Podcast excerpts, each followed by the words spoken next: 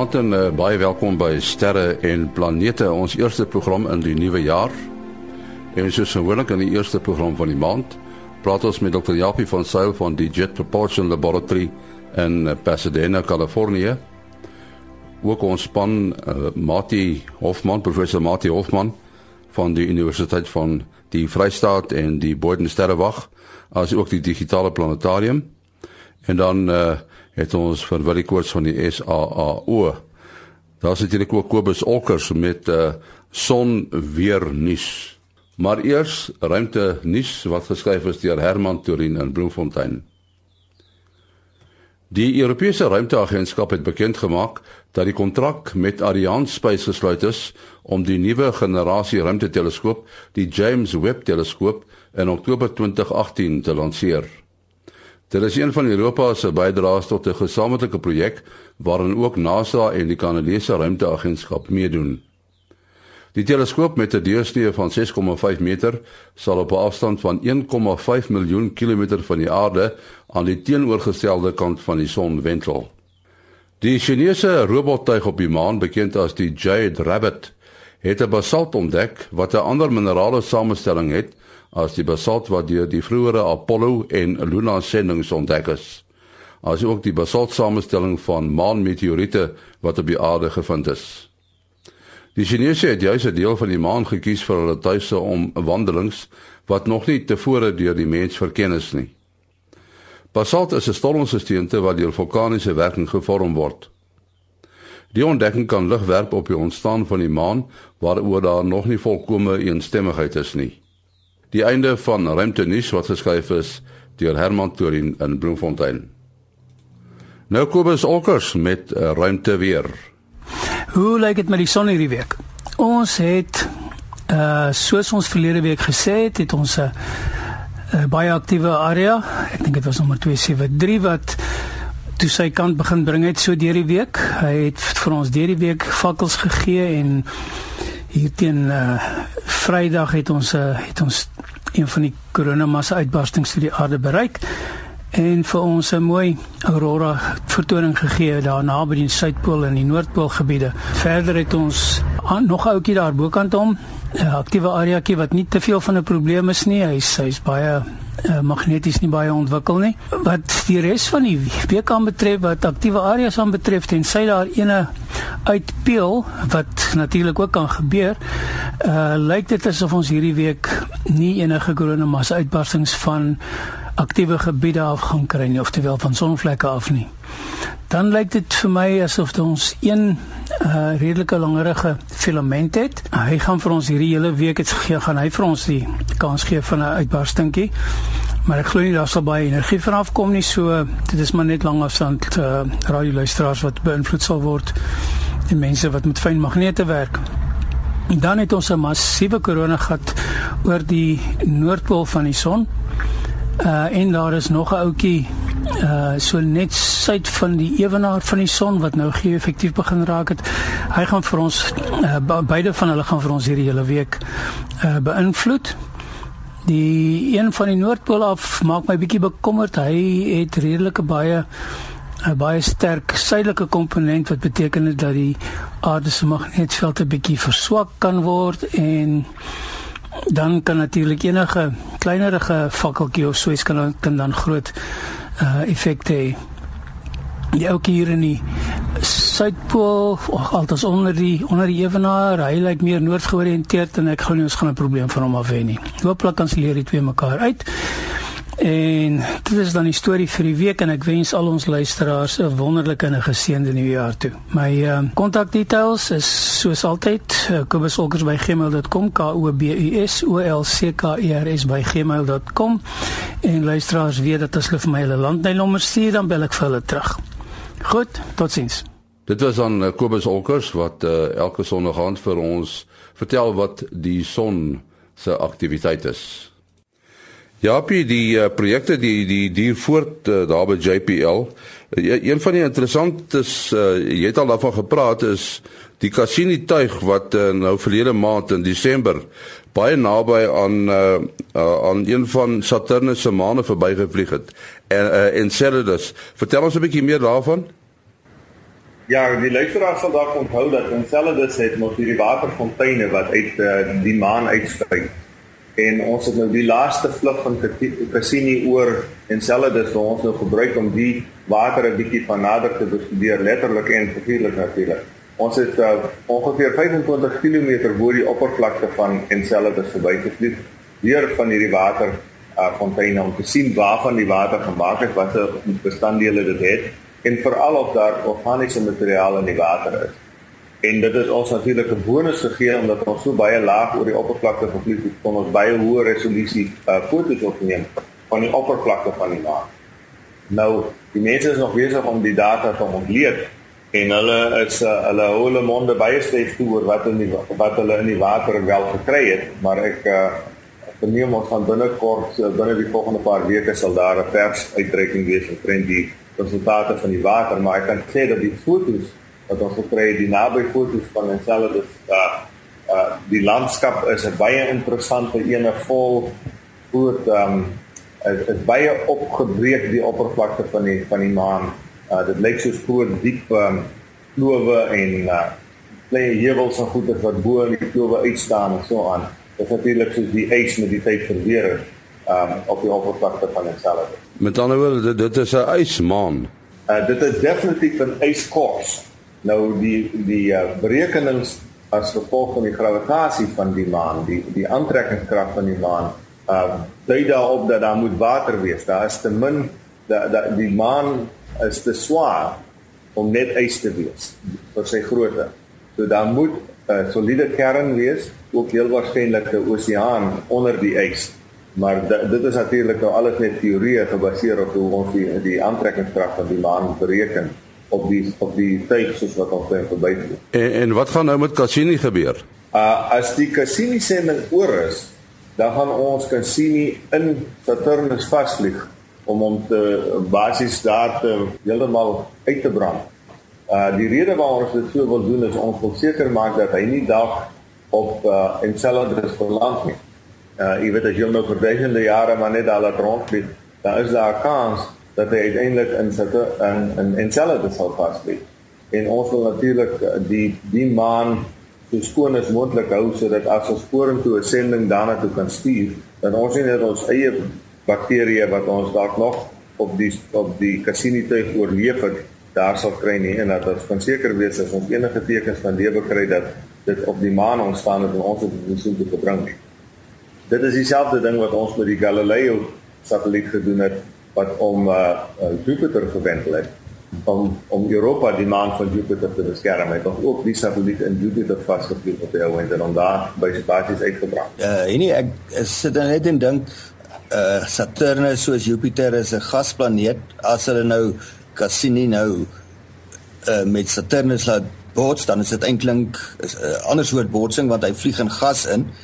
Dit hoe ver sou hy nou so in Saturnus se atmosfeer kan invlieg uh en jy nog data kon kry? Ja, dit is een van die groot vrae natuurlik is hoe ver sal ons kan ingaan en dan die radioseine verloor? Uh het sy omdat die ding opgebrand het, uitgebrand het of of omdat ons um die gaste dik geraak het dat ons nie meer 'n uh, plasma om ons uh, om ons satelliet gevorm het. So ons gaan definitief die radioseine terugstuur uh so lank as wat ons kan en uh, en om dan volgens bereken hoe diep word ons wel in die in die vas bewolk om Saturnus ingevloed voordat die die satelliet op wil werk. Ja, die wat die wat jy gesê het ehm um, dat jy hom eerder in 'n planeet gaan invlieg, dis nou beide uh die ruimtetuie uh teenoor 'n maan. Dit uh, sê natuurlik vir ons dat die maan het nie 'n atmosfeer nie, maar jou planete het wel uh wat dan vir jou daai uitbrand effek gaan gee te, op die planeet wat jy dan nie op die maan kry nie. Dis dis absoluut waar. Ons uh, ons beplan on, en uh, ons is nou besig om 'n uh, sending te ontwerp terug na Europa toe. En een van die dinge wat ons bestudeer op die oomblik is hoe om te land op Europa. Want daar's 'n uh, baie ehm um, wat ek sê invloedryke ou in in ons kongres wat die geld uh, vir ons wil gee en hy hy is baie streng daarop om van land op die maan. Nou dis baie natuurlik 'n baie meer van 'n 'n moeilike situasie as jy moet land op 'n plek wat nie 'n atmosfeer het. So ons moet ons eie vuurpyle saamvat om ons te uh, te rem en so aan. Uh dis baie moeiliker om op so 'n plek te land en jy is doodreg, dis omdat ons nie daar 'n atmosfeer het. As die atmosfeer daar was sou ons miskien minder bekommerd gewees het dat ons nou enige bakterieë daar sou gebring het want dit sou uitgebrand het in die atmosfeer. Jy sê nou 'n interessante ding, die invloedryke ou, is dit hy wat besluit julle wil gaan land of uh is dit net dat hy agter julle staan wat die projek betref? Ja kyk, hy besluit nie eintlik nie maar hy is die uh die sogenaamde voorsitter van die uh ons appropriations committee wat vandag se geld gee. Nou dit is die ouens in van die kongres wat besluit hoeveel geld NASA kry. Nou hulle het die reg om in die begroting in te skryf waarvoor die geld gebruik moet word. Nou as hulle dan skryf dat die geld moet gebruik word om te gaan land op Enceladus, dan is dit weg. Dan moet NASA dit nou doen. Uh maar oor die algemeen probeer ons om dit nie so te kry nie want dit is natuurlik soos enige ander instansie het mense nodig om geld rond te skryf en so aan en dit is natuurlik moeilik as hulle nie presies sê waarvoor die geld gebruik word. So op die oomblik onderhandel ons nou met hom en ons doen nou die ontwerp om te sien of dit moontlik is om te land en of ons al die tegnologieë reeds beskikbaar het en dit lyk asof alles beskikbaar is. Maar dit sal natuurlik die prys van die sending uh heel wat hoër maak as ons nou moet van beide daar verby vlieg en nog land loop. En dan moet ons nou oorskryf na die uh die beoogde sending na na Mars toe uh die sogenaamde Insight session. Ons het nou onlangs gehoor dat die sending uitgestel is. Hoekom? Man kyk die die sending Insight is uh spesifiek dis om toevallig dat hy na Mars toe gaan, maar die die uh, sending probeer uitvind hoe planete vorm en hoe hulle met die tyd verander. In in die geval van Insight wil, wil ons kyk of Mars nog steeds ehm um, vloeibare kern het en ons doen dit deur te meet hoe die hitte uit Mars uitvloei.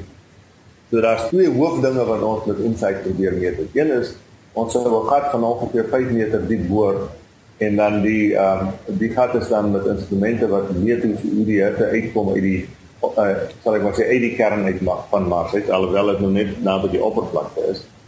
En die ander ding was om baie sensitiewe sogenaamde accelerometers te gebruik om te kyk of daar die, die ekwivalent van aardbewings op Mars. Nou die goed is baie baie sensitief en om hulle so sensitief te kry moet 'n mens hulle in 'n hele metaalsfeer inpak en dan moet jy daardie metaalsfeer uh die die lug uit hom uitsuig tot ongeveer 1 deel in uh 10 tot 'n mag 10 wat dit wat is dit uh, julle manne moet my nou hier help as 100 biljoen is dit nie? Um 1 deeltjie in 100 biljoen van die atmosfeer van die aarde moet ons nou uitsuig. Uh die probleem is dan moet mense natuurlik nou kabels uit hierdie sfeer uitbring om die syne uit te bring. En naby hierdie kabels lek die sfeer dan nou weer 'n bietjie. So met die gevolg is dan kry jy ou nou nie die ding die die lig genoeg uitgesuig om hom tot op daardie sensitiewe vlak te bring. Nou ons het vreeslik hard gewerk die goed word in Frankryk vir ons gebou en die Franse regering het hulle uh, bygedra tot hierdie projek. En ons het nou almal vreeslik hard probeer om die lekkasie plekke toe te stoor stop maar ons het dit nie reg gekry nie. En nou die ongeluk met 'n uh, uh, planeet soos Mars is ons kan net een keer elke 2 jaar lanseer want ons vuurpyle is nie sterk genoeg om sommer enige tyd te lanseer en dan by Mars uit te kom. Ons moet wag tot Mars in die regte posisie is relatief vir die aarde. En dan stuur ons nou ons satelliet vooruit en dan dan vang Mars hom nou later as hulle op die regte plek is. Uh en dis nou maar net 'n geval van ons het tyd het geraak om die die daai twee maande uh die ongeveer 21 dae moet dit sê.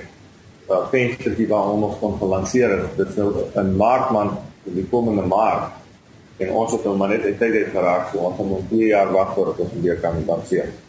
Jo, ek kan nou ek kan nogal dink aan ek wat nou 'n groot deel van my werk uh, wat vakuum stelsels en hoë vakuum stelsels behels uh kan ek nogal dink aan die probleme om dit is so moeilik genoeg om vakuum hoë vakuum te pomp op aarde. OK, hier het ons natuurlik uh, 100 maal meer atmosfeer, maar um, om dit nou op 'n ander planeet te gaan doen uh en tot daardie vlak wat jy genoem het dit, dit is net ongelooflik.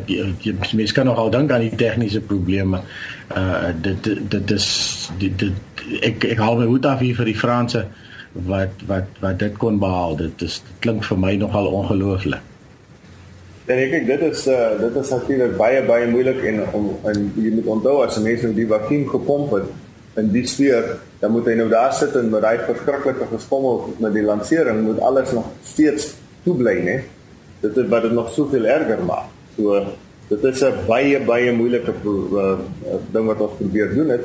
Maar dit is wat 'n mens nodig het as jy hierdie data wil neem. So dit uh, dit is neem nou partykeer 'n bietjie langer om die goed reg te kry. Ja, en dan nou uh, ook 'n ander ding, uh, ek onthou jy het in die verlede gesê dat jou volgende Mars voertuig uh gaan nie kern aangedrewe wees nie, hy gaan son aangedrewe wees. Maar toe is daar nou 'n ander kinkel in die kabel, nê? Nee. Ja, kyk, ons het nou op die ou end al die uh, wat ons noem die trade studies gedoen en ons het op die ou end besluit om maar maar tog weer met 'n kern rond te gaan en nie sonpanele te gebruik hierdie keer. Ons is baie gelukkig daar is nog genoeg plutonium in Amerika oor dat ons nog uh hierdie spesifieke rover ook daarmee sal kan uh, krag verskaf. Daarna raak dit 'n bietjie van 'n moeilike situasie want uh, ons het nie meer uh plutonium oor nie in Amerika het ons uh, opgehou om die om die plutonium te vervaardig baie jare gelede. So nou moet ons of dit weer by die by Rusland koop wat ons die laaste klomp uh, klompe jare gedoen het of hulle moet weer hulle ons eie stelsel begin om van ons ou plutonium wat ons nog oor het, ehm uh, beter te verwerk. So dit maar ons is baie gelukkig dat ons nog genoeg gehad het om hierdie spesifieke rover na Mars te gaan. Uh, Japie, ek het nou die week uh, van interessante nuus item uh, kennis geneem nou juis oor die plutonium dat Amerika het nou lyk like my uh 50 gram plutonium 238 weer gemaak en dit het hulle 15 miljoen dollar per jaar. Ek weet nie oor hoeveel jaar gekos om dit te doen nie. So dit is nou lyk like my iets wat so 'n bietjie in die stilligheid gebeur het. Dit is spesifiek vir NASA wat hulle hierdie uh, plutonium weer begin uh, bevaardig. As jy kyk in ons in die begroting uh NASA se begroting, dit is 'n deel van die wet, soos ek sê, hulle spesifiseer dit nou die daai die komitee waarvan ek voor voorheen gepraat het. Hulle spesifiseer elke jaar dat daar 'n sekere hoeveelheid geld moet gaan spesifiek om plutonium te vervaardig vir gebruik deur NASA vir ons uh, uh satelliete wat in die buitenste ruimte bevind. En dit was nou soort van die uh, die bewys dat hulle wel die plutonium wil weer kan vervaardig wat hulle hierdie eerste 50 gram gedoen het. Natuurlik 'n groot storie het jy alles afgesit het en alles soort van vernietig het om nou weer alles bymekaar te kry sodat dit weer werk. Uh hoeveel van die plutonium 238 het jy nou in 'n ruimtetuig nodig om vir sê nou maar 1, 2 of 3 dekades sal van genoeg brandstof te voorsien? Uh, jong, dis 'n goeie vraag. Ek kan nou nie presies onthou nie want hulle word in sulke klein ehm um, ronde sogenaamde pellets gemaak wat ons dan in die uh, want kyk die goeders moet kan ehm um, as daar 'n uh, een of ander rede om ons die satelliet moet vernietig gedurende lansering is iets verkeerd gaan dan moet, moet hierdie goeder veilig uh, wees. Uh dit is uh, minder as 'n kilogram in elk geval wat ons gebruik op uh, byvoorbeeld op die sending vir Voyager. Ek neem ek neem aan daar's daar baie handtekeninge wat saamgaan met so so radioaktiewe stof. Dit is uh, seker 'n klomp klomp redheid, né? Nee. Ja, dit is uh, as ek reg onthou as ons uh, iets met met 'n uh, uh, kernkrag te lanseer moet dit tot tot die president die uh, die, die handtekeninge gaan. Uh ja, by jou besonderhede. My e-posadres japie.jpl@gmail.com. japie.jpl@gmail.com. Mati? Uh 0836257154. 0836257154. En dan Willie. 0724579208. 0724579208. En my e-posadres is maas.henny@gmail.com. maas.henny@gmail.com. Volgende Sondag is ons weer hier. Tot dan. Mooi loop.